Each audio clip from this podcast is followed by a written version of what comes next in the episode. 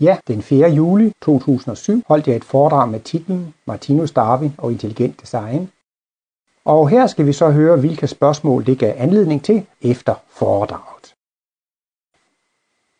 Møller, han var altid meget ydmyg, og han sagde, når han skulle starte sine øh, spørgetimer, ja, jeg er jo ikke noget orakel, men jeg skal prøve på at svare så godt som jeg kan.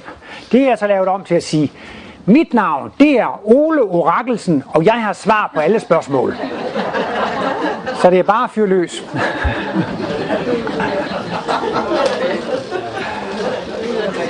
Ja, der er et spørgsmål på her på første række. Det er fra dengang for længe siden. Ja, ja. Det er godt, du har en god hukommelse. Du kan huske, hvad det var.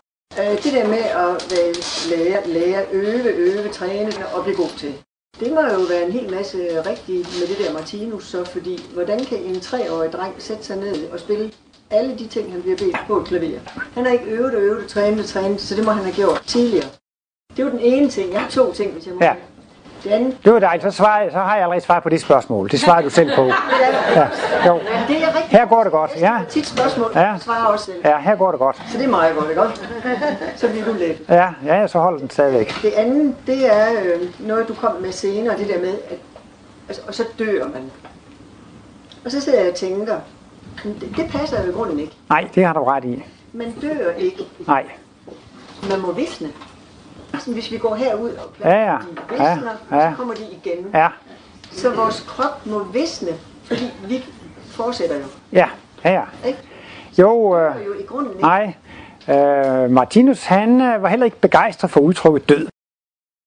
Og øh, på sin gamle dage, så var han meget inde på, at i fremtiden, når man snakkede åndsvidenskab, så skulle man gå over til at bruge ordet fødsel nummer et og fødsel nummer to. og fødsel nummer et, så bliver man født ind i den fysiske verden, og fødsel nummer to, så bliver man født ind i den åndelige verden. Og ved fødsel nummer et, så er der faktisk læger og jordmøder, som tager imod en, når man kommer ind på det fysiske plan. Og så er der faktisk altså også skudt singler og afdøde familiemedlemmer, som tager imod en, når man går over på det, på det åndelige plan. Og der er der også mange sådan, der i Martinus kreds faktisk prøver på at undgå udtrykket død. Og så siger man ja, ved Martinus bortgang, i stedet for at sige Martinus død. Og sådan, så ja, jeg tænker også sit selv på det sådan, og prøver også langt hen ad vejen at undgå ordet død. Martinus siger, at det er forbundet så meget negativt og så meget trist. Der er grædt spandevis af tårer, der er grædt litervis af tårer over døden. Der er måske snart ikke nogen ting, der er grædt så mange tårer over, som over døden. Og så siger Martins, men i virkeligheden er det jo en stor illusion, for døden eksisterer ikke. Og derfor er det jo altså meget forbundet, meget trist forbundet det her med døden. Martinus har lige brugt det udtryk, altså når vi nu bruger ordet med at dø, ikke sandt? Det sker altid på det mest kærlige tidspunkt for væsenet. Det sker på det bedste og det mest kærlige tidspunkt for dets videre udvikling. Ikke? Og det er jo tit, når folk de dør for tidligt i en forkert alder på forkert måde, så synes man, hvor er det dog trist. Men hvis man havde det store forkromede overblik, så vil man altså kunne se, at man kan også, hvis man forstår, hvordan øh, et kærligt forsyn arbejder, så vil man, gå ind, vil man have en sikker og fornemmelse og følelse af, at alle går bort på det tidspunkt, som er det absolut bedste det kan også godt være, at man skal, man skal gå bort lidt tidligere, fordi man har en livsledsager, som også er gået bort, og så for at man kan komme til at leve sammen.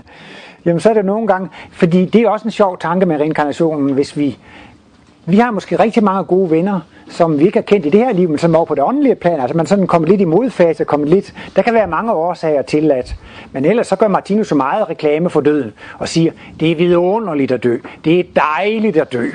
Især hvis man er gammel, og hvis man er syg. Men det Martinus, han bruger i og for sig ikke så meget udtryk, det er at visne. Men han siger det, kroppen er et redskab. Og det sammenligner næsten ligesom med, hvis man har en cykel eller en bil, der er udslidt, jamen så når den ikke kan mere, så køber man bare en ny cykel, eller så får man en ny bil, ikke sandt? Og sådan er det så altså også, at, at kroppen er i virkeligheden kun et materielt redskab. Og øh, man kan sige, at i virkeligheden er der ikke liv på det fysiske plan, set fra en speciel synsvinkel. Nu ser det ud som om, at vi er levende. Nu bøjer og strækker jeg armen her. Her kan I se, der er liv på det fysiske plan. Men så siger Martinus, jamen altså, det liv, der er på det fysiske plan, det er faktisk en bevidsthed, som bevæger de fysiske partikler. De fysiske partikler i sig er egentlig ikke levende. Det, der får ting til at virke levende, det er jo en bevidsthed, som kan bruge materialer. Og, og, og øh, Øh, det sætter jo så yderligere relief, ikke? Sådan, at kroppen er kun et redskab. Og det vil altså sige, skal vi bevæge os i en fysisk verden, jamen så skal vi have nogle ben. Og skal vi se i en fysisk verden, skal vi have fysiske øre, øh, øjne. Og skal vi høre i en fysisk verden, skal vi have fysiske ører. Så det er altså bare et, et, et, øh, et redskab. Så Martinus bruger meget det her udtryk, organismeudskiftning. Men nu findes der mange forskellige opfattelser af reinkarnation, og der mener Martinus altså, at man kommer igen præcis som den person, man var, da man døde sidst. Altså præcis ligesom når man vågner op om morgenen, så fortsætter man der, hvor man slap den foregående dag. Der kan vi bare huske de foregående dage, men princippet er det samme.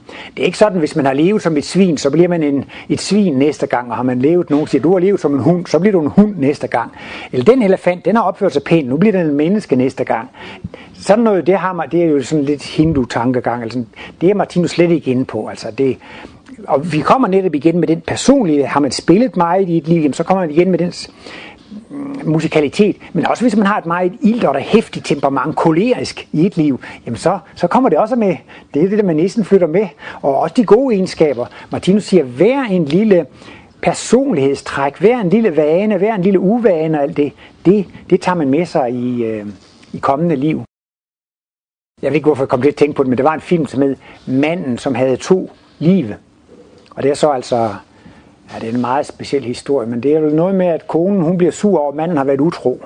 Så en gang de er ude at bade i en sø i en robot, så slår han, hun ham i hovedet med en åre, så han øh, drukner, ikke sandt? Så dør han som 20 år, så var konen vist nok for øvrigt blevet gravid i mellemtiden med ham, før han druknede, ikke? Og så, så kommer han jo igen, og så bliver jo også datteren født, så, så han bliver næsten jævnaldrende med sin egen datter, ikke sandt? Og så, så vokser de jo op, og så bliver han jo forelsket i sin egen datter, for det ved han jo ikke, fordi altså biologisk set, så er de jo født forskellige steder. Og øh, så havde han i de tidligere liv sådan en vane med, at han skulle sidde og knipse med fingeren på et vinglas. Og så kom han jo så i kontakt med sin tidligere kone, som jo nu altså var blevet 20 år ældre end ham på grund af den der. Og så begynder han til at knipse på glasset der. Så kan man også se, hvordan hun begynder at få lidt kuldegysninger, fordi at hun kan se den mand, den unge mand, som sidder der, han har nogle vaner, øh, som hendes tidligere mand også havde, ikke? Og, og sådan kosmisk set, så stemmer det med, hvad Martinus siger.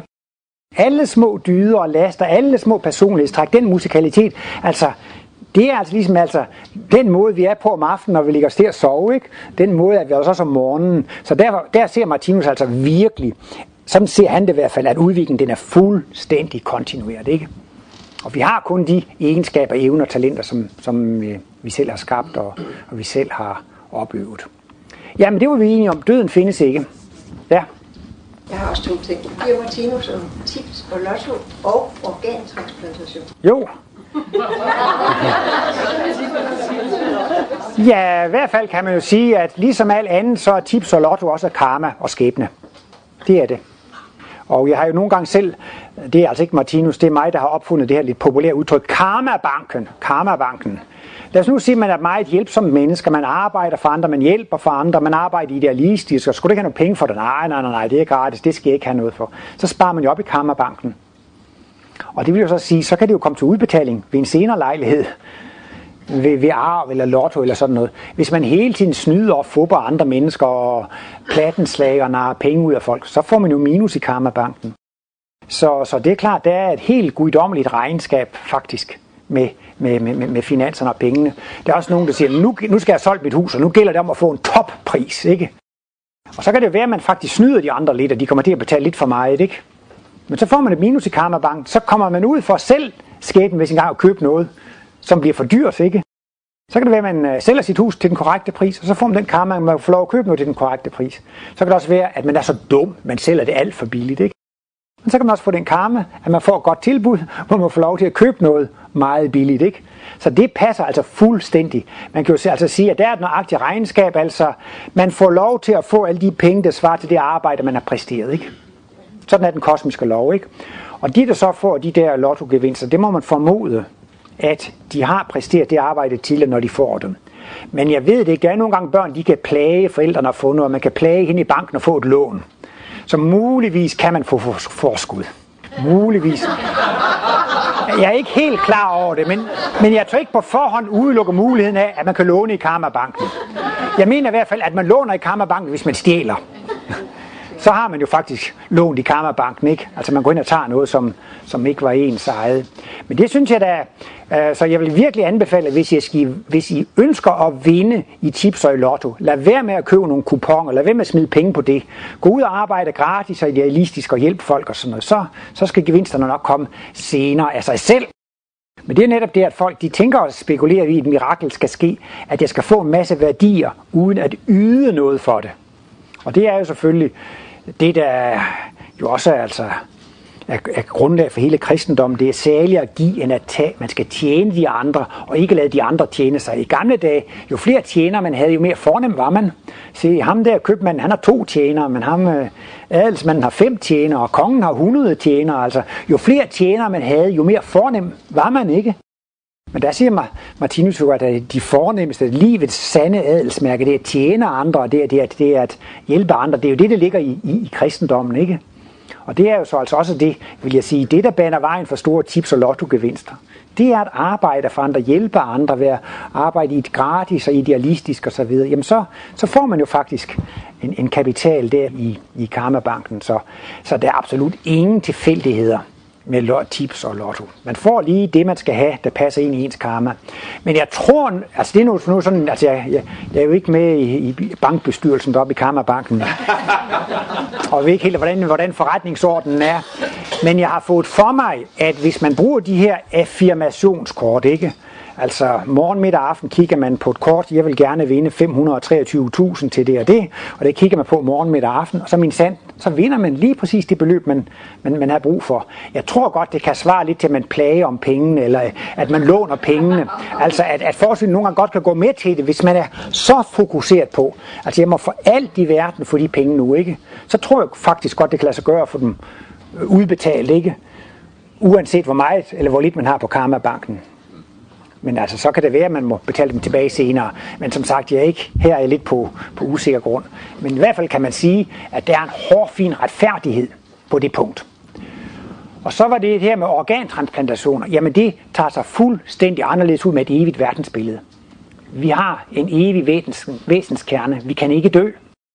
Og derfor er det faktisk bedst at undgå, i hvert fald at transplantere de store organer. Martinus siger, det er meget nemmere at få en ny krop. Han sagde også personligt, jeg vil da meget nødigt gå rundt med et fremmed hjerte i min krop. Så vil jeg godt nok hellere dø og få en ny krop. Og det er meget nemmere, det er meget lettere. Det er utrolig kompliceret at lave hjerte-lunge-transplantationer. Men hvis vi er nede på, at øh, jeg har selv tit haft hornhindebetændelse, ikke? Hvis det kunne redde mit syn at få øh, en hornhinde fra et lige, så vil jeg sige ja tak, det vil jeg gerne. Og øh, hvis jeg er ved at dø af et eller andet, der ikke har blod nok, så vil jeg sige ja tak, jeg vil gerne have en blodtransfusion. Så et eller andet sted hen, så går der jo en grænse, ikke? Hvor, hvor, hvor jeg ikke kan udtale mig. Det, det, det behøver man jo heller ikke at gøre. Men øh, det her med transplantation har også to sider. Der er en donor, og der er en acceptor. Og, og Jesus siger, at det, det er ingen, der er større kærlig end den, som vil give sit liv for andre, ofre sig for andre, hjælpe andre. Derfor er det, nok kom til dig, derfor er det meget mere positivt faktisk at være donor. Altså at, at man vil give noget væk. Martinus siger selvfølgelig, at der, der er også forskel på det nogle gange så bliver man jo faktisk altså nødt til at slå donoren ihjel. altså hvis man skal være hjertedonor, så skal hjertet altså slå. Og når man så er taget så, man, så slår hjertet jo ikke mere, altså så, så, så, så er man jo død. Altså det, det synes Martin, det, det er jo næsten mor, ikke? Dog kan man selvfølgelig sige, hvis man er helt sikker på, at vedkommende er hjernedød. Men jeg, har jo, man, jeg ved ikke, om det passer, men jeg har hørt om folk, som er blevet meget ille tilret i en bilulykke, ikke? Og så skal de være donorer. Og så så kom acceptoren ikke, og så videre. Og så viste det sig min sand, at så overlevede de alligevel. Altså man ved jo ikke helt, hvornår man træffer grundlaget for, hvornår man kan være organ, organdonor eller ikke. Jeg så også engang de her Monty Pythons, de der engelske komikere, Meaning of Life, og så kommer der jo så nogen og banker på døren og braser ind. Der står her, at du er organdonor. Ja, ja, men øh, jeg er jo ikke død endnu. Det gør ikke noget. Det er du snart. Så smækker de ham op på køkkenbordet og frem med. Og blodet står jo op på sådan et, et, et springvand. Og så tænkte jeg, ja, det var sådan lidt, lidt overdrevet med, at, at det er jo mor, ikke? Men jeg må sige, jeg har selv svært ved at bedømme, hvordan man skal se på tingene, når man er med en nyre. Fordi man har to nyre, og man kan i levende liv give en nyre væk og, og hvad man vil der, hvad man ikke vil. Altså jeg forestiller mig, håber det var sådan, at, at hvis jeg havde en nyårssygdom, så, så tror jeg faktisk hellere, jeg vil dø, end at jeg skal gå hen og sige til min bror, kan jeg ikke få den ene af dine nyere, og tænk, tænk hvilket offer man beder et andet om at give, ikke? Og den anden må jo på en eller anden måde alligevel blive lidt svækket af at kun have en nyere. Altså det er ikke små ting at gå hen og bede en anden om at få en nyere, vel? Men der må jeg jo meget ædelt, at den, som vil give sin nyere, altså det, det er jo kristendom, og det er jo gavekultur, og vil give sin nyere, ikke? Men øh, så kommer man jo ind på et helt specielt felt, og det er det her med, at Martinus mener, at organerne er faktisk også selvstændige levende væsener med en jeg-følelse. Og der er sikkert mange af jer, der har set de her transplantationsudsendelser, hvor der er damen, hun får en hjertetransplantation, og det første hun tænker på efter operationen, det er, at hun vil have fadøl og pomfritter og Kentucky Fried Chicken. Og så sporer man det jo langt ned ad vejen, at det var en ung mand, der kørte på motorcykel, og det var hans favoritdiæt, ikke sandt? Fadøl, pomfritter og... Og så var også en mand, han var overhovedet ikke interesseret i musik, og så oplevede han bagefter, at han begyndte at interessere sig for klassisk musik. Han begyndte at gå til koncerter, og, og det, det, det, det ligesom øh, forandrede ham. Og der er så flere organacceptorer, som har konstateret en lille personlighedsforandring. Og det stemmer jo meget godt. Man kan jo sige, at, at et, en organisme er opbygget af alle de dele, den er opbygget af. Og det vil så sige, at hvert organ giver jo et bidrag. Man kunne måske sammenligne det med, hvis jeg har en studiegruppe her på skolen, der er syv mennesker med, og I mødes hver eneste dag. Men så en dag, så er det en, der er gået ud af gruppen, og en ny, der er kommet ind. Det bliver lidt anderledes, end det var før. Der er noget, der har forandret sig, ikke? Og sådan vil det altså også være. Og der er det jo så det, at når et menneske, når, når ægceller og sædceller smelter sammen, så starter inkarnationen, ikke sandt? Og det væsen, som skal inkarnere, det tiltrækker via loven for tiltrækning og frastødning de organer, som det bedst kan arbejde sammen med, og de celler. Så takket være naturlove i form af tiltrækning og frastødning, så får man de organer, som passer allerbedst til en, ikke? Det vil jo så sige, at når man får en organtransplantation, så får man et organ, som slet ikke hører hjemme i min krop. Altså de, de, de. Det er også energierne, jeg ville være øh, jeg ikke Men altså, nu har det jo været så meget op i medierne, så jeg måtte ligesom. Men altså, det er klart, man kan jo selv tage... tage altså, jeg, jeg, jeg vil ikke være organdonor. Men hvis andre kunne bruge mine, så... Ja, ja, det kunne man også. Martinus siger jo, at man skal forsøge at vælge det mindste onde blandt to onder. Det er tit Martinus ikke så firkantet, han siger, det må man, og det må man ikke. Altså hvis nu endelig det var sådan abort, nej, det må man endelig ikke. Jo, så vil Martinus jo sige, jamen hvis morens liv er i fare, så er det jo et mindre onde, at, at fosteret må dø, end at moren skal dø. Ikke? Altså, der, der, der er jo tit mange ting, man må veje op. Hvorfor? Er det et mindre onde, at fosteret skal dø end moren? Ja, for det første, så, så, så, så har moren jo et langt større og et fuldt udviklet univers, og det kunne også forestille sig, at hun havde andre børn og havde ægtefælder, havde større ansvarsområde. Og fosteret har altså jo ligesom knap nok kommet på banen endnu, ikke sandt? Altså, altså det lyder måske også lidt dræbt, men altså hvis, hvis virkelig man kommer i en situation, skal jeg skåne menneskets liv eller grisens liv, altså så vil Martinus sige, at man skal altid prøve at beskytte det, det højere stående liv på bekostning af et lavere stående liv, ikke sandt? Altså, Altså man kan sige, at vi må endelig redde grisen for enhver pris, ikke? Jamen så er det større under at slå et menneske ihjel, øh, fordi at, at det repræsenterer. Men, men, men det er jo det, vi får jo vores personlige skæbne og kommer i de mest vanskelige situationer. Man siger, selv man vælger en dårlig løsning, så er det altid kærlighed at vælge det mindste af to under. Og det skal man så ligesom selv prøve at skønne i de der. Men øh, det er også en ting, som jeg har gjort meget ud af i min bog og ikke kom ind på, men det er så det, at øh, man skal også passe på med at have dårlige vaner, fordi øh, hele den her problematik med medfødte sygdomme og sygdomsgener. Der er nogle gener, som koder for sygdom. Hvorfor bliver man født med gener for sygdom? Og der vil naturvidenskaben jo bare svare, at det er en tilfældighed. Og det med intelligent design, de kan vel ikke påstå, at det er særlig intelligent at designe sygdomsgener. Men Martinus siger, at det skyldes livsstilssynder. Altså vi ved jo meget om livsstilssynder i dag. Hvis man ryger og drikker meget og spiser fed mad og spiser meget sødt og, og man ikke motionerer. Det er vist de fem store fejl. Altså tobak og alkohol og fed og sød mad, og så man ikke motionerer. Ikke? Så kan man allerede i det her liv have store, stor risiko for at få hjertekarsygdomme og for at få diabetes 2 eller det der sukkersyge, ikke sandt? Så man kan se allerede i det her liv sætter det sig meget alvorlige konsekvenser, at man har dårlige vaner. Men der siger Martinus, en hver vane, både god og dårlig, det kan være en god vane med at spille musik, men man kan også have dårlige vaner. De afsætter sig altså i disse talentkerner. Og det vil så sige, at, at man overfører faktisk sin sygdom fra liv til liv. Og det vil sige, at hvis et barn bliver født med en sygdom, så skyldes det, at det har haft en livsstilssynd i tidligere liv. Og derfor er det ikke uden konsekvenser at modtage et organ. fordi man skal have så meget immundæmpende medicin. Altså, det er jo en kraftig frastødningsorganisme, mekanisme, og det vil sige, at en acceptor må måske altså tage immundæmpende medicin i 5, 10, 20, 30 år, inden han dør, ikke? Det er en sabotage af den naturlige modstandsfunktion. Derfor kan man godt forvente, at vedkommende i næste liv vil få en, en nedsat, øh, i, i nedsat immunforsvar, fordi at altså enhver funktion, som man saboterer, det kan også være, hvis man et liv langt tager p-piller. Det kan faktisk også godt være, at man kan ødelægge frugtbarhedsfunktionen, så man faktisk ikke kan få børn i, i næste liv. Ikke? Eller hvis man er store ryger hjemme, så kan man godt ske at blive født med astma eller lungesygdom. Ikke? Så derfor kan man sige, at donoren tager jo ikke så meget skade af det, fordi det er en gave, man giver, og så er donoren ud af billedet.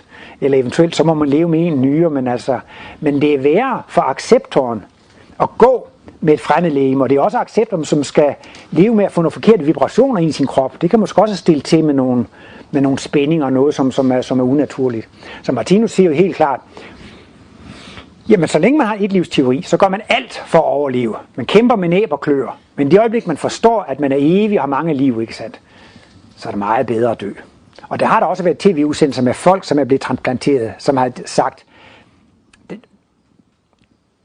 som siger, i dag ved jeg ikke engang, om jeg vil anbefale folk at tage det. Fordi mit liv er blevet så fattigt. Jeg kan ikke gå det, jeg skal passe på infektion, og jeg kan ikke gøre det og det og det. Altså nogen, der er nogen, der er blevet lidt i tvivl om det, ikke? Om, om det var det hele værd. Så øh, som Martinus siger, det er skønt at dø, det er dejligt at dø. Og især hvis man er syg, og hvis man er gammel, så er det vidunderligt at dø og komme ud af denne, denne tunge fysiske krop. Så det vil forandre sig. Og jeg synes jo netop, at det er helt grotesk, hvis man er inde på, at man vil lidt til at sætte grisehjerter ind i, i mennesker, fordi man ikke kan få donorer nok. Det må jo være en, så lave vibrationer i det der, så det tror jeg vil være meget uheldigt.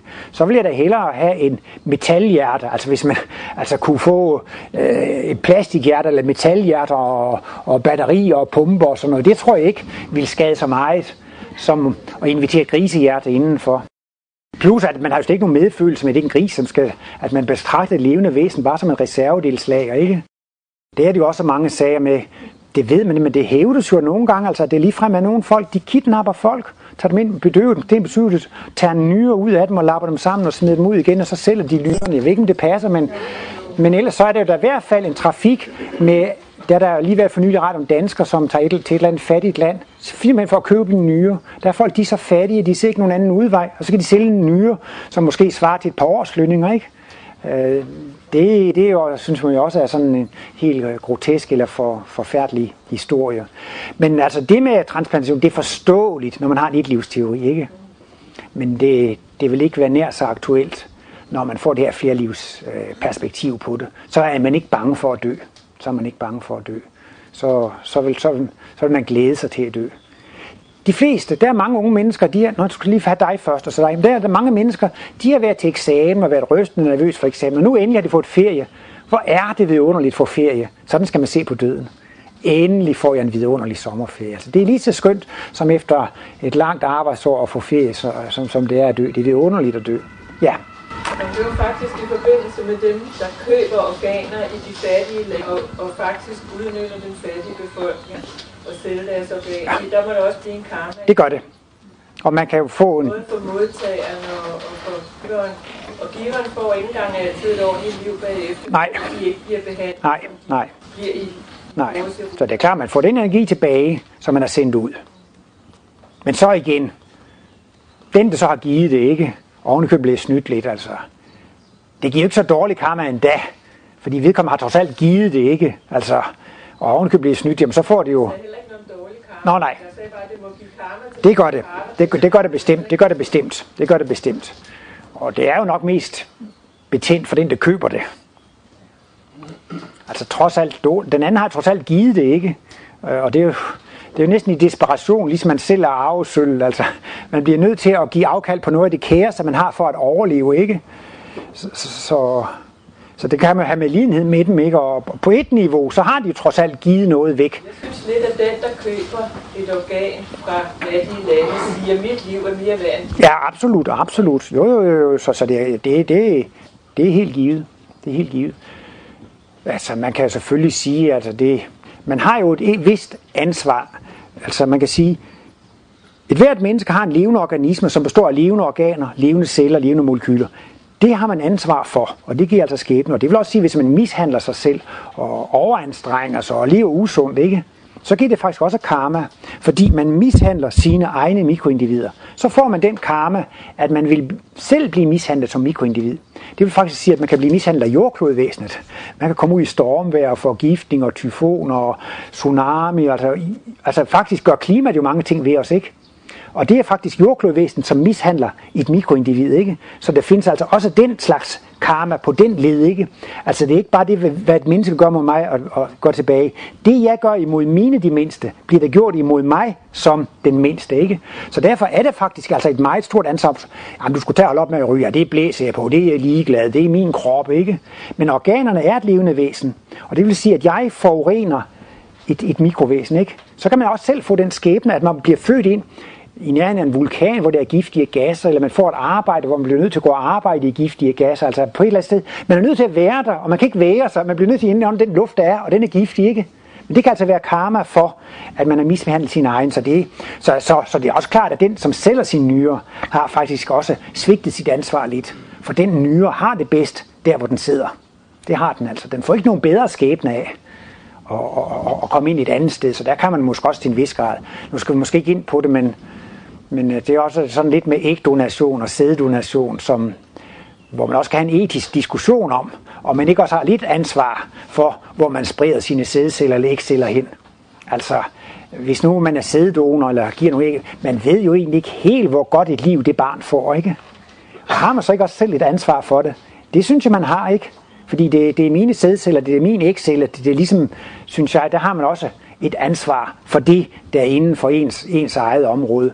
Men, men, men det, det er jo igen et frit valg. Ikke? Det kan jo betyde utrolig meget for nogen, at de kan få en insemination, og det redder hele deres liv, og jeg ved ikke hvad. Så det, det, jeg vil ikke dømme i de sager, men jeg vil bare sige, at det er jo et interessant aspekt på det, når Martinus taler om det her livsenhedsprincip. Vi har levende organer, levende celler, som vi har ansvar for. Ligesåvel som vi har ansvar for mennesker i vores omkreds, så har vi altså også ansvar for disse levende væsener i vores organismer. Og det giver karma at svigte dem på, på forskellige vis. Ja.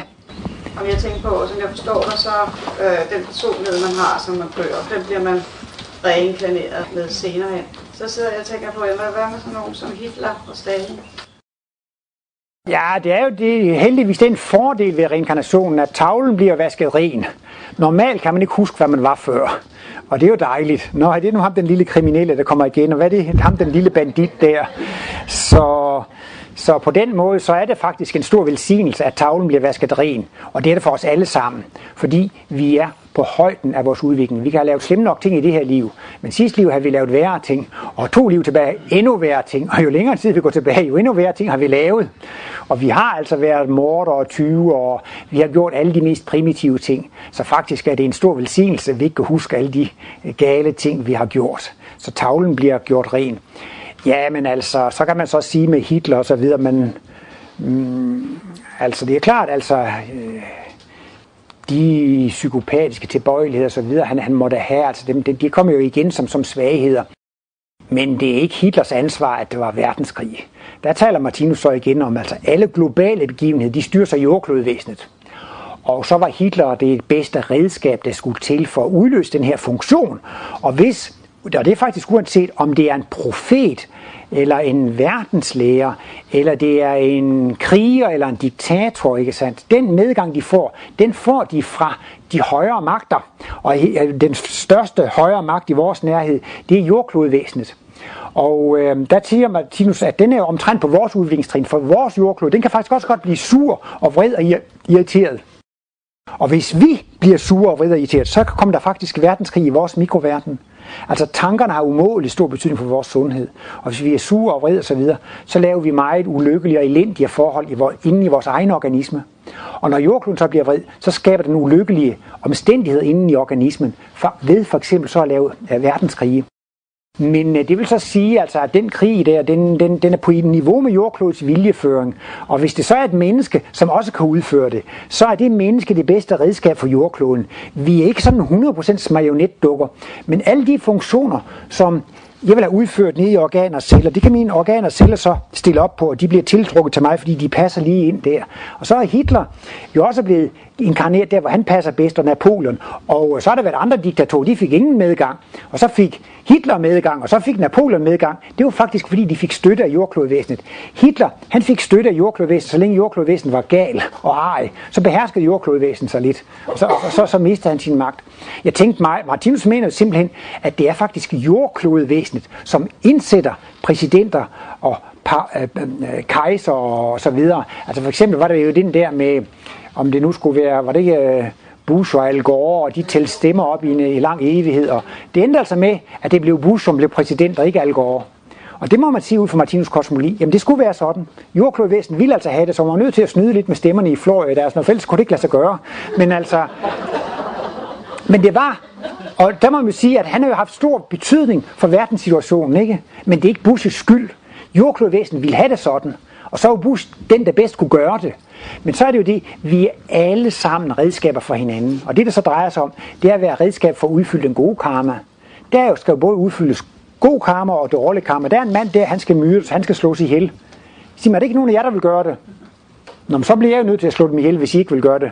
Nej, det gør man altså ikke. Man behøver aldrig at ført en dårlig kamp, for det er der mennesker nok, der vil på den her klode. Så det, der drejer sig om for hvert enkelt individ, det er jo kun at udløse god karma og sige, jeg vil være redskab for at udløse den gode karma. Hvis der er nogen, der har lyst til at udløse den dårlige karma, værsgo, så lad dem gøre det. Og så gør de det jo, som er på de naturlige udviklingstrin. Jordkloden havde lyst til de raseriudbrud, og det passede lige ind i krammet på Hitler. Så Hitler, han gjorde det, som jordkloden ville.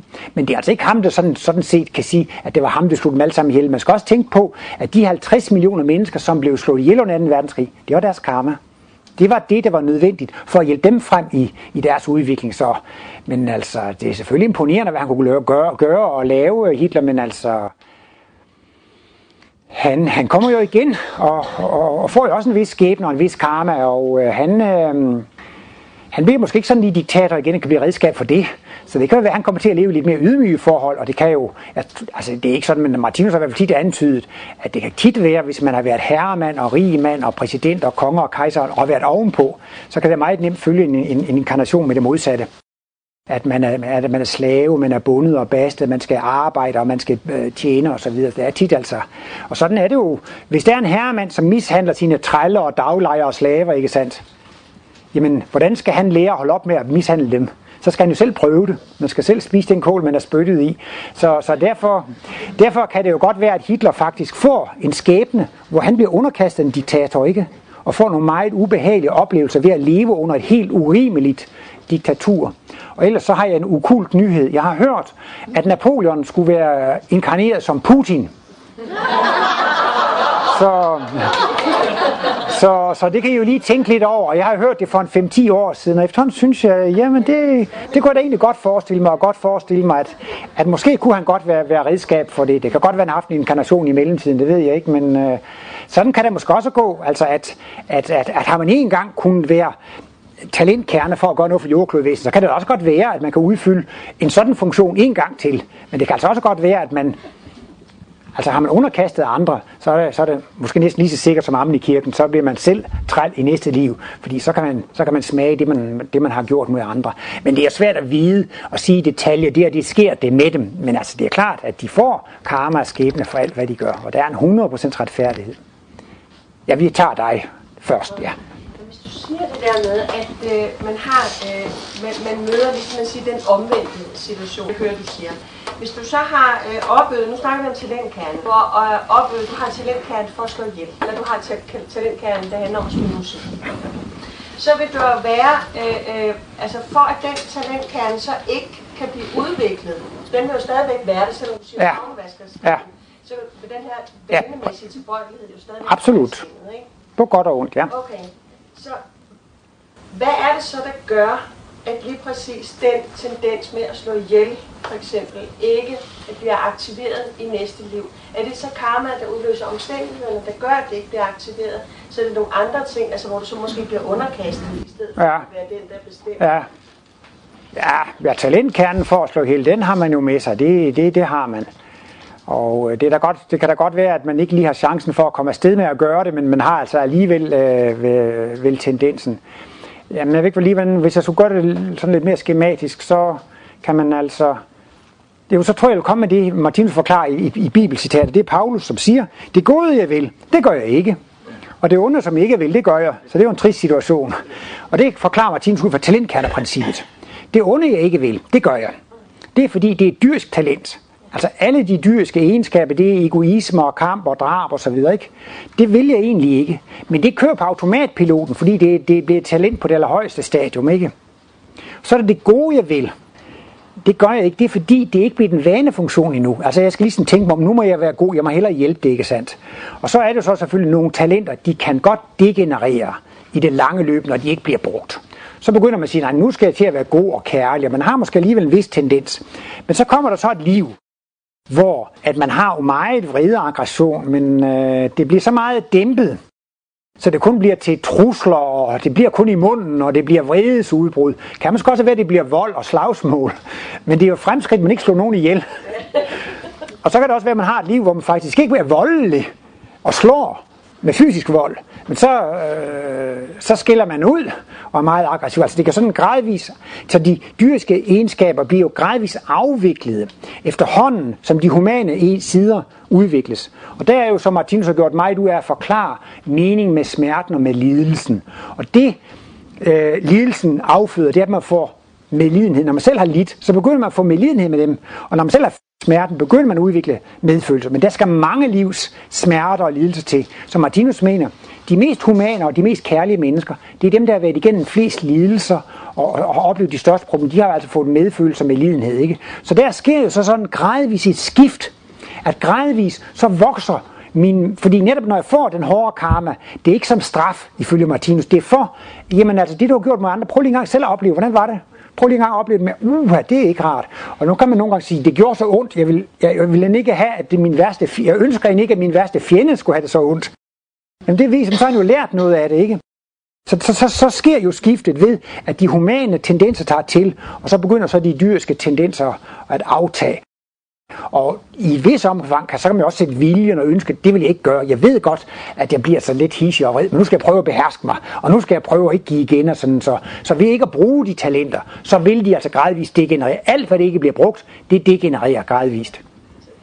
Så det, jeg hører, du siger, det er simpelthen den der, at den der positive motivation, den fødes som et direkte resultat af lidelsen. Ja. Selvoplevet smerte og lidelse affører humanitet og kærlighed, og det er jo så, synes jeg, en af de helt øh, store ting ved Martinus verdensbillede. Han kan forklare meningen med mørket og retfærdiggøre det. Altså alle de gale ting, vi laver, det er bare på grund af uvidenhed. Hvad ved stenen om, hvad der foregår her? Hvad ved planterne? Hvad ved dyrene? Ja, vi ved jo lidt mere, men vi ved ikke nok endnu. Altså vi skal, vi skal jo ligesom få lov at det er frit spil, vi har fri vilje, vi må gøre lige så tossede ting, vi vil. Men konsekvenserne kommer tilbage, og så gradvist, så bliver vi altså klogere og klogere og klogere. Til sidst, så ved vi, hvordan det hele fungerer. Og så er det, vi får kosmisk bevidsthed og bliver kristusvæsen. Og, og øh, det er sådan set bare det, at man skal have lidt feedback på sin fejltagelser. Hvordan finder jeg ud af, hvad det er, jeg gør forkert? Der er jeg også lige bare lige en, det er jo rent parentetisk. Der er noget, der hedder Alexander-teknik. Det er en eller anden, det hedder Alexander, som havde sådan noget med kropsholdning. Og han var jo mig, hvad er det, vi gør forkert? Og det er så det, øh, og han sagde, hvis der er et menneske, der kan påpege en fejl hos mig, vil jeg betragte ham som min ven. Jeg bliver normalt irriteret, hvis der er nogen, der påpeger en fejl hos mig. Men så tænkte jeg, det, der, det der sportsånd at sige, et hvert menneske, som kan påpege en fejl hos mig, vil jeg betragte som min ven, ikke? Og det er jo også lidt af den sportsånd, man skulle have, når man får den dårlige karma af min arm, i stedet for at blive vred på de andre, så skal man sige, det er altså- karma, det er et spejlbillede på mig selv. Det viser, hvad jeg selv har gjort forkert. Jamen det var da fint at blive gjort opmærksom på det. I stedet for at blive irriteret på den anden, så skal man bare tage sin dårlige karma som et spejlbillede på noget, man selv har gjort forkert. Og så siger man, ja, det skal jeg min sanden ikke gøre mere. Men det bliver lidt svært det med karma, for man kan ikke rigtig huske, hvad der var, man gjorde i de tidlige liv, når, når, når det kommer tilbage. Fik vi det så nogenlunde på plads? Så var der nemlig en her. Ja, det er det med, øhm, at, at det siger jo mig, altså det der, at ens skæbne, skæbne er forudbestemt. Det, det må den jo være. Jo, det kan man godt sige. Hitler det for Jo, jo, ja. så videre, så videre, ikke? Og, og så er en skæbne, men nogen de prøver at kæmpe imod den der skæbne, men kommer ikke tilbage til den skæbne. Ja. Skæbnen, det er den der hovedvej. Jo, Og, og, og den skæbne, man så har fået i det her liv, er det fordi, det er der, man er nu? jo, det er det. Fordi det er det, man skal lære nu? Jo, det er det. Jo. Det er Så, det, man skal give nu, eller selv lære nu? ja, præcis, præcis, ja. Fordi vi har lavet så mange ting. Altså i virkeligheden har vi, vi har lavet så mange ting, ikke? Og vi har slået tusindvis af myrer og kyllinger og høns, og jeg ved ikke, altså vi har slået griser, og vi, vi, vi har simpelthen slået så meget ihjel, altså det er næsten ikke, altså så kunne man næsten ikke engang leve et langt liv, altså vi har så meget karma, der står og venter på os, ikke? Og øhm, så vidt som jeg forstået det, så er vi faktisk også selv lidt med til at planlægge de liv. Jamen det liv vil jeg gerne opleve det, og det liv vil jeg gerne opnå det. Jamen så siger man for det er ikke noget problem. Så tager vi bare lidt af den karma, og lidt karma af den, så tager vi 5 pund af det, og 2 kilo af det, og så et lille drys af det. Altså der er nok at tage af, og der er vi faktisk selv lidt med til det, ikke? Altså det siger, altså Martinus er ikke sådan detaljeret ud, men, men jeg har da for mig, altså, at, at det der foregår, når man dør, det er, så passerer livet revy. Så kan der komme en skytsengel, og så kan man gå hele livet igennem og se, hvad var det, der skete, hvad var det, der oplevede osv. Og så skulle man også på det åndelige plan få lov til at arbejde med sin kommende livsbane. Og det kan være, at åh, hvor vil jeg gerne blive dirigent eller et eller andet. Nå, jamen, så må du øve det de her 2, 3, 4 liv, og så må du gøre det og det. Eller hvad det nogen siger, hvor vil jeg gerne lære at være ydmyg? Jamen, det klarer vi nemt. Så får du lige nogle ydmygelser. Vi tager lige noget øh, af den her kæde. Så kan du lige blive slave og træl, og så kan du... Så, så, så, så, men det, der ligger i skæbnen, det er jo så al den energi, du sender ud, den kommer tilbage. Men tidspunktet kan godt variere lidt omtalte Mogens Møller, som jeg nævnte før, han brugte nogle gange i sin spørgetime et eksempel med nogle flyver på en flyveplads. Så sidder der en flyleder, der er 10 fly i luften, og de skal lande alle sammen. Men så sidder der en i kontroltårn, han må bestemme, hvad for en rækkefølge de skal lande i. Og sådan har vi også selv lidt indflydelse på det. Jamen, vi tager fly nummer 8, og så nummer 3 og nummer 5, men alle fly skal jo helst lande. Men vi kan godt have dem lidt forskellige rækkefølge, det, det, er ikke, det er ikke så væsentligt. Og der har man så alligevel sådan lidt fri vilje. Og men der har man altså et vis råderum. Så man er altså ikke en robotstyre. Det er ikke sådan en determinisme. Man har altså, jamen hvis jeg vælger at gøre det og det, jamen så findes der noget karma at tage som svar på det. Og så gør jeg noget helt andet. Jamen så findes der noget karma at tage for, for, for det. Så ja, det hele er jo skæbnebestemt, ikke? Men, altså, men det, det, det er ikke noget, der udelukker, at man har en fri vilje, og man har et vis øh, råderum. Ja.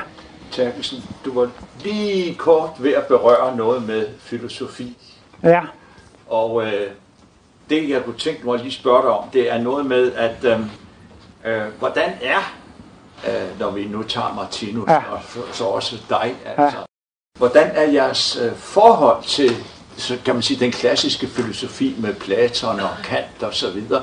For jeg synes jo, altså nu for eksempel, du siger øh, den åndelige verden og så videre, og, og man kunne godt sige, Kant, han, han er jo, I er jo tæt op af hinanden, for Kant Jo. taler jo også om tingenes idé, og så det konkrete Ja, ja, ja, ja, ja. Men hvordan oplever I de to verdener? Hvordan oplever du de to Ja. verdener? Er, Jeg oplever det jo, så jeg ser lidt på, at øh, der er noget, der intuition. Ja, Og det er jo kilden til sandheden. Og så kan man så gå ned til de gamle grækere og gå igennem hele Ja. filosofiens historie. Og så kan man faktisk se, at der har været mange filosofer, som har haft en god portion intuition. Og øh, jeg synes jo, jeg er jo ikke sådan studeret, men jeg synes jo, det virker til, at mange af de gamle græske filosofer har haft meget intuition. bestemt. Og det virker også til, at Kant var ganske intuitiv. Og i det omfang, som en øh, filosof har været meget intuitiv, så er han kommet på nogle rigtige ting. Det, det, det, det sådan ser jeg på det, ikke? Altså, og, og det er jo sådan ligesom omfanget af deres intuition, der, der viser, hvor store sandheder de, de, er, de er kommet på. Men sådan, for at være lidt ubeskeden, så mener jeg så, at Martinus' intuition har haft et sådan voldsomt omfang, så han har kunnet lave en helhed, en totalitet, et evigt verdensbillede. Hvorimod med de andre filosofer, så er det som regel kun fragmenter af sandheden, de er kommet på. Og, og derfor mener jeg så, at mange filosofer har en fragmentarisk viden af hele det evige verdensbillede. Og det er så altså så det, Martinus kører frem med på sine 8.000 sider, at han siger, at det lykkedes ham med sin intuition at få et totalt overblik over hele verdensaltet i det uendelige mikrokosmos og i det uendelige makrokosmos og i en evig for, en uendelig fortid og en evig fremtid altså at han har kunnet og det siger han det er altså ja, han siger lige frem med intuitionen så kan man vandre ned i mikroverdenen og man kan vandre op i makroverdenen og frem og tilbage i tiden. Altså at, at man kan få en, en, en, en total overblik over det. Tillad mig lige et bispørgsmål, så lige i forbindelse med det. Altså der, hvor jeg synes, jeg, jeg, jeg bliver usikker, ja. det er, øh, øh, filosoferne, de har jo knap den, jamen, altså det er ikke negativt, det vil sige, at den positive vinkel, som du har, hvor, hvor jeg synes, at det, og det, det er fantastisk dejligt at høre, at det her, det er altså den idé, der ligger bag, det er det godes idé, Jo. hvor altså disse filosofer, og jeg har nær sagt også øh, skriften, nu nævner du der med, at mennesket er skabt i Guds billede, men vi skal jo bare to sider længere om, så er det jo så øh, lavede de jo en forfærdelig masse bøvl i paradis og røg ud, og jeg ved, Ja, ja. fordi de var ikke gode ved hinanden. Altså, der, hvor, hvor jeg har lidt svært ved lige at, at Ja. det er, jamen, hvordan kan vi være så sikre på, at det bliver de gode kræfter, der sejrer? Ja. Øh, Altså først vil jeg sige, at øh, Martinus' kosmologi er virkelig et meget omfattende studium. Livets bog i syv bind er på 3000 sider. Og der siger Martinus, der kommer han med de logiske argumenter, der kommer han med analyserne og egentlig de filosofiske argumenter og udredninger. Ikke? Og derfor må det jo have meget præg af postulater, det jeg siger, for jeg kan slet ikke nå at, at begrunde det, som Martinus kan. Og han er måske op på at have skrevet 8000 sider, så, så der får man, man, man begrundelsen. Men jeg mener, og- at Martinus har løst nogle filosofiske problemer, som ikke har været løst tidligere. Og et af de helt store, det er jo det her med teodicé-problemet, som man siger, altså Guds retfærdighed. Hvordan kan øh, det være foreneligt med Guds retfærdighed, at gode katolikker dør. Jeg tror, det var i 1755, der var et stort jordskælv i Lissabon i Portugal. Og så var der så en masse gode katolikker, der døde. Og så spurgte de jo hen i kirken, jamen det er jo gode katolikker, de går i kirke hver søndag. Hvordan kan en kærlig Gud lade disse gode mennesker dø? Eller hvordan kan man altså, hvordan kan det være forenligt? Hvordan kan det være, at Gud tillader så meget lidelse i verden, når nu Gud er kærlig? Oven i købet, og alle mægtige, så går han ret op på det, og alle vidne, så vidste han, det ville gå sådan. Altså det har været et stort problem, at retfærdiggøre mørket, at begrunde mørket, og øh, det kan retfærdiggøres med et evigt livssyn. Hvis alt det her med retfærdigheden, så er man nødt til at have et, et evigt liv. Alt klatter sig ud. Alt bliver udjævnet i det evige. Så derfor vil man ikke på rigtig basis kunne løse det her teodicé-problem. Man kan ikke løse mening med det onde, mening med det mørke, uden at have et evigt perspektiv. Og det er så det, Martinus har indført. Og derfor har han altså nogle meget gode argumenter for, at øh, det kan retfærdiggøres. Men altså, man kan sige, på kort sigt kan det jo retfærdiggøres med reinkarnationen. Men øh, hvis man så kun har 100 eller 1000 reinkarnationer, hvad var der så før, hvad var der så efter? Så begynder problemet bare at, at, at, blive, øh, at, at blive, blive, udskudt, blive udskudt lidt. Jeg ved ikke, om det så nogenlunde var nok. Ja, her, og så der bagefter. Var, var, var Martinus bevidst om det væsen, han var? Talte han nogensinde om Øh, bevidsthed? ja, det... Nu ved jeg ikke helt, hvordan du... Altså... Altså, kendte han noget til tidligere inkarnationer? Ja, okay. Det, det var... Det var ja, ja. Jo, men altså... øh, Martinus, han øh, fortæller, at han som 30-årig satte sig ned i en meditationsstol og tog bind for øjnene og mediterede, og det udløste så øh, en stor indvielse, en stor åbenbaring, og øh, det var, gik over to dage. Men det, der var det mest interessante ved det, det var, at, at det havde efterladt en permanent virkning. At det var ligesom om, han havde fået en permanent bevidsthedsudvidelse, og at han ligesom var født ind i en åndelig verden. Så det var ikke bare det, at han har haft en, en, en oplevelse og en indvielse. Det har medført en bevidsthedsudvidelse, som gjorde, at han kunne kigge ind i det der. Og han opdagede, at han fik åbnet for alle psykiske evner. Altså han, øh, han, øh, han øh, prøvede det der med at gå ud af kroppen og så videre. Og, øh, og så, så fandt han jo, det var ikke noget, han skulle sysle med. Han kunne mærke andre folks sygdomme. Nej, det var heller ikke noget, han skulle sysle med. Han skulle ikke lave mirakler. Altså, han, han, øh, han, han, han kunne mærke, at han havde fået en meget speciel opgave. Og det var ikke at lave mirakler og gå ud af kroppen og alle de der ting. Han, han havde fået en ganske speciel opgave, og det var at lave, hvad han kalder for kosmiske analyser. Han skulle forklare, han skulle lave en ny åndsvidenskab, som skulle give en logisk forklaring på det. Og han kunne mærke, at det var det eneste, han fik lov til at bruge sine åndsevner på.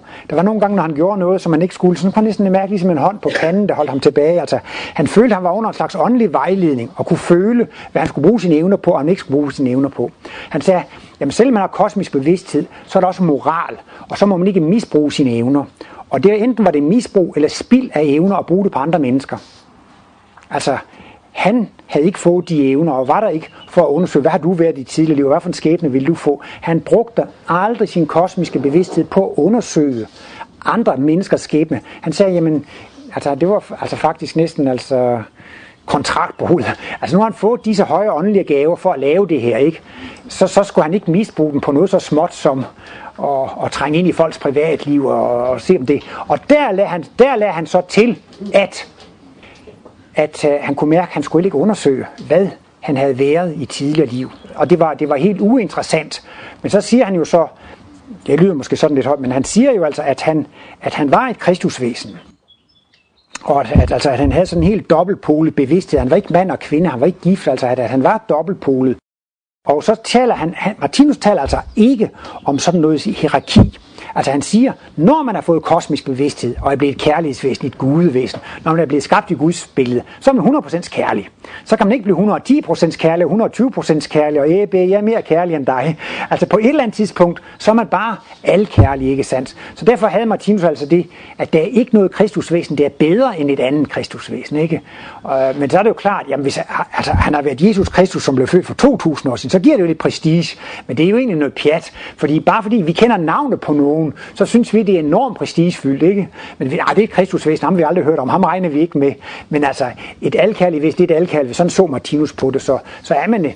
Og vi er alle gudesønner, og det er ingen, der er mere vigtige end andre. Hvert væsen har et jeg, og alle væsener, de smelter sammen til guddommens jeg. Og faktisk er det altså sådan, at alle væseners overbevidsthed smelter sammen til guddommens bevidsthed. Vi er alle sammen lige vigtige. Det er ingen, der har, der har, har større betydning end, end andre. Men øh, altså man kan, Martinus han sagde altså i det her liv, så sagde han, at han, han, han, han var altså et færdigudviklet menneske. Så, så hvad man kan sige, hvad man kan slutte ud af det, det er faktisk, at det han siger med det er faktisk, at han har været Kristus, at han har været et Kristus væsen i tidligere liv. Altså det er ikke det første liv, hvor han er et fuldkommen væsen. Og han mente altså også, at hvis man får kosmisk bevidsthed, når man er 30 år, og det gjorde Jesus, så er det et tegn på, at så har man også haft det i tidligere liv. Den kosmiske bevidsthed begynder ved, at man får nogle kosmiske glimt, meget stærke åndelige oplevelser. Og man får måske bare et kosmisk glimt i et liv. Og så ved man, jeg er udødelig. Jeg ved, der er en kærlig magt. Ja, der er, universet er levende, jordkloden er levende. Altså man kan få så stærk en åndelig oplevelse. Den ene bærer en resten af livet. Så næste liv, så får man måske et kosmisk glimt igen. Så kan der komme et liv, hvor man måske får to, tre, fire, fem kosmiske glimt. Så kommer de tættere. Og så på et tidspunkt, så bliver det altså en permanent tilstand, man er i, så, så, det, så det kommer sådan gradvist. Men han mente altså, altså det er først, når man er 30 år, man sådan ja, er fuldt udrustet, eller sådan på en eller anden måde, altså, eller med 28-30 år. Og hvis man så får kosmisk bevidsthed der, og det er en permanent tilstand, så har man haft det tidligere. Så det kan jeg i hvert fald ud fra, fra hans svar, at, at han mener i hvert fald selv, at han har haft en kosmisk bevidsthed i, i tidligere liv. Det er ikke første gang, han fik sådan en bevidsthed. Og, og han mener så altså selv, at han var her for at løse en opgave. Altså, jamen han sagde, åh, han kunne have haft et meget nemmere liv, han kunne have lavet de ting, og han kunne have gjort det og det og det, men altså, han, han brugte sine evner på udelukkende at lave logiske forklaringer om livet, og forklare, hvorfor er livet sådan og sådan. Og det er det, han kalder kosmisk analyse, der laver sin åndsvidenskab.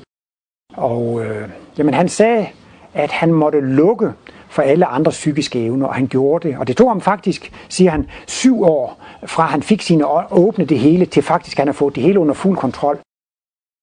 Han fortæller jo en gang, at han kom op i en sporvogn, hvor der var en meget, meget syg mand. Han havde sukkersyge og var meget syg, og det kunne Martinus mærke. Og det gør lige så ondt på Martinus, så Martinus blev helt svimmel. Han blev smidt ud af sporvognen, fordi at konduktøren tror, han var fuld, og han vaklede rundt. Og så lang tid efter, han turde ikke gå ind i overfyldte sporvogne, kun hvis de var tomme sådan midt på dagen.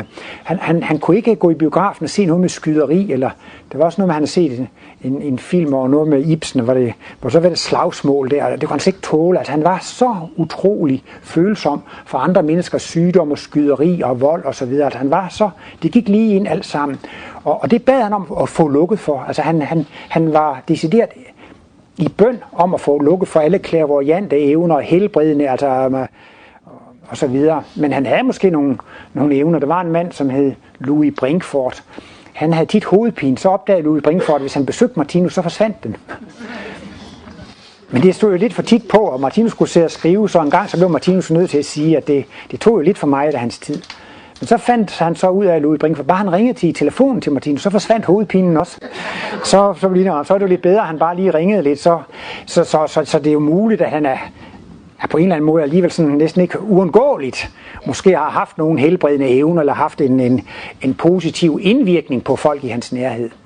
Men øh, selv før han fik kosmisk bevidsthed, så arbejdede han på et kontor, hvor, hvor de siger, at han havde en forædlende effekt. Det var en gang chefen sagde til ham, øh, Martinus, øh, hvis nu øh, ham der ringer, så sig jeg her ikke. Så siger Martinus, det kan jeg ikke. Det, det, det var som om mit hoved skulle eksplodere, hvis jeg, kunne, hvis jeg skulle lyve. Altså før han fik godt, det, det kunne han ikke. Altså han kunne simpelthen ikke gøre sådan noget. Og, og, og øh, han, jamen, han var også så hjælpsom og så ærlig og så videre. Der var en gang, han gik sammen med chefen, så, så kunne chefen ikke forstå, det er da mærkeligt, de hilser altid på Martinus, men ikke på mig. Jamen, så siger Martinus, det er da nemt nok, man skal bare være den første, der tager hatten af. Men det var også engang en, en, en altså, det var de der mælkekuske, han var jo på et mejeri og sådan noget, så blev det jo tit noget til over, så fløden var jo dyr og så videre, og, og nogle gange så, så kunne man jo hælde vand i, og så, øh, og så sælge det og tjene nogle penge. Der var mange, der snød og, og fubbede med sådan noget, med, med de der varer, ikke sandt? Og så var der også nogle, men han gjorde jo bare ligesom de ældre kusker gjorde, og snød lidt der med, med de der varer. Og det opdagede chefen jo, og så blev den unge mand jo fyret, fordi. Og så synes Martinus, ah, det var nu synd for den unge mand. Det er jo bare noget, han har lært af de her gamle kusker der. Han er jo ikke så galt og sådan noget. Så gik Martinus op og talte med chefen, og talte den unge mands sag. Og så endte det med, at han blev genansat. Og så på en eller anden måde, så gav det jo også Martinus sådan en, en vis... Øh, altså en vis respekt, men det var ligesom, at hvis Martinus var til stede, så, så kunne folk ikke lyve, så kunne de ikke skændes. Altså, han havde ligesom sådan en forædlende effekt der, hvor han var, uden at kosmisk bevidsthed, men det lå simpelthen bare i hans kærlige væsen, ikke sandt? Så når man var i nærheden af ham, så, så gjorde man bare ikke sådan nogle ting. Altså, så, så selvfølgelig har han så haft en, en indflydelse på den måde. Jeg har også oplevet ham, men jeg føler ikke, jeg har ikke sådan nogle speci... jeg kunne ikke sådan, øh, jeg var ikke sådan psykisk, så jeg kunne mærke noget. Jeg synes bare, at det var da en usædvanlig rar bedstefar, en gammel mand. Han var så rar og venlig, men jeg kunne ikke mærke, at der var noget mystisk. Og han gjorde ikke noget for at have langt profetisk skæg eller øh, gå i specielt tøj. Han prøvede på at se ud ligesom andre, klæde sig ligesom andre og, og leve altså det er helt, helt normalt. Så altså, han gjorde ikke noget stort nummer. Han tog sig selv meget uhøjtidligt og kunne lave sig spøgefuldheder. Men det, der slog mig mest ved hans personlighed, det var, at han var så lattermild. Han var en rigtig grinebider. Og Øh, ja, man kan næsten sige, at han havde næsten en barnlig humor. Altså, det skulle ikke ret meget til, før han griner. Altså sådan små pussy episoder. Det er ikke sådan, den, den humor, han har i København i dag, sådan en hurtig, sarkastisk humor, hvor det altid går ud over andre. Øh, og det, det, det, var, det var sådan øh, meget interessant med Martinus. Han var en glad mand, og han grinede meget. Og når han så skriver sådan høje filosofiske værker, så bliver man lidt overrasket over det. Og specielt er der nogle optagelser, nogle spørgetimer, og der kan han rigtig spille ping-pong med folk og lave sjov med dem. Og, og det er jo tit, at, at, at han netop viser, at han ikke tog sig selv særlig højtidlig. Da han var 90 år, så sagde han, at ja, min bevidsthed den er jo helt øh, helt frisk. med han, han, når man er lam, så går man jo med krykker. Og så sagde Martinus, jamen maskineri, det er jeg udslidt. Jeg, jeg har krykker for øjnene. Så peger han på sine briller. Og jeg har krykker for munden. Så peger han på sit gebis. Og jeg har krykker for ørerne. Og så peger han på sit høreapparat. Og så grinede han. Og så, så, så altså, han tog ikke sådan så, sig selv særlig øh, højtideligt. Men man kan sige, at han levede hans analyser. Og det mest øh, interessante ved hans foredrag, det var, at man kunne ligesom ikke modsige ham, når han sagde det. Der var en gang, jeg holdt foredrag i Tyskland, så ved en anden dame, jeg ved ikke hvorfor, hun prakkede mig altså Markus evangeliet på. Altså det var sådan en kristen dame, hun blev meget oprørt over det, jeg sagde om Martinus og sådan og så, så fik jeg Markus evangeliet med hjem, og så boede jeg på et hotelværelse og tænkte jeg, hvad skal jeg lave i aften? Så kan jeg lige så godt læse Markus evangeliet. Der var en mening med, at jeg få det stukket i hånden. Og det starter så med, at Jesus han kommer til Peter og Andreas, og de er jo fiskere, og så siger han, øh, læg garnet fra jer, nu skal I ikke fiske fisk mere, nu skal I fiske mennesker, og I skal følge mig. Og så får man så historien, hvordan at det starter med, at Jesus begynder at prædike. Og han har jo så aldrig prædiket før, så på et eller andet tidspunkt, så er det altså første gang, han prædiker. Og så står der i Markus, at han prædikede altså med en sådan naturlig autoritet. Altså man blev overrasket over, at han kunne gøre det, for han har aldrig gjort det før. Og så tænkte jeg, ja, det er jo næsten ligesom man oplevede Martinus. Øhm, på et tidspunkt havde jeg en kæreste, som var lidt interesseret i Martinus og var lidt i opposition til det. Og så, så tog jeg hende nogle gange med ind til Martinus foredrag. Og hver gang sagde hun, ja, jeg må jo give ham ret, ham den gamle.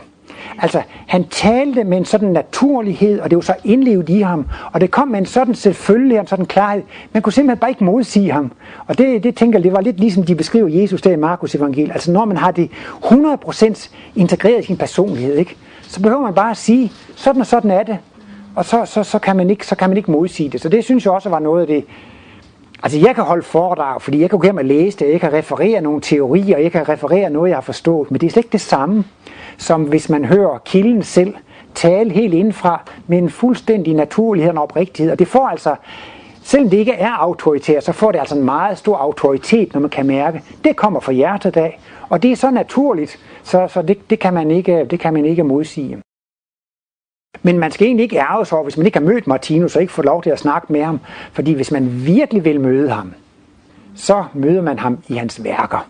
For det er jo der, man møder hans kosmiske bevidsthed. Man kunne måske have været heldig at blive inviteret til, til te-selskab med Martinus, men så vil man sikkert sidde og sige, det er da forfærdeligt, som det har regnet i juni. Jamen, det bliver vist solskin på søndag. Og, altså, jeg mener, det var der, altså, var der tit, når folk fik chancen for at snakke med Martinus, så snakkede man da sådan om almindelige ting og så videre, og fik måske alligevel ikke det dybeste indblik i hans bevidsthed. Så man, hvis man virkelig vil forstå, hvem han er, så, så er det frit frem for alle. Så kan man stadigvæk læse hans bøger og faktisk træffe specielt hvis man læser fortalen til livets bog, så, så får man en fornemmelse af en enorm tolerance og kærlighed til alt og alle. Han skriver i fortalen, der er begyndelsen af livets bog, mit værk det er et defensorat for alt og alle.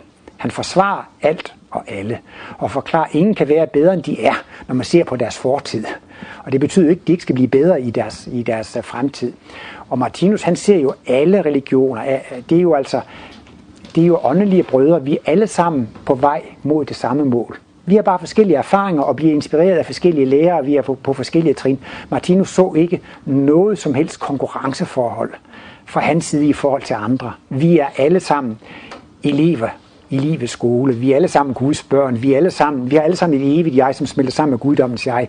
Og vi er alle sammen på vej mod det, mod, mod, mod, mod det samme mål. Så, så han var altså utrolig tolerant. Og han har skrevet så meget om fængselsvæsen og forbryder og kriminalvæsen, ikke? Og han er jo helt væk fra straf, før han banker på en dør, at alting må gå godt. Altså han var jo hele tiden sådan indstillet på at gøre det gode og det kærlige, og, og havde jo faktisk på en måde sådan et, et, øh, et permanent forhold til Gud, ikke altså, sandt? Der var hele tiden i kontakt, så at sige, med de højere magter, og bad jo bare om at måtte gøre det rigtige og være, være redskab for det rigtige og, og, og hjælpe alle. Jeg tror med disse ord vil jeg sige tak for i aften, og tak for interessen. Det har været en dejlig aften for mig at mærke den store interesse og varme. Tak.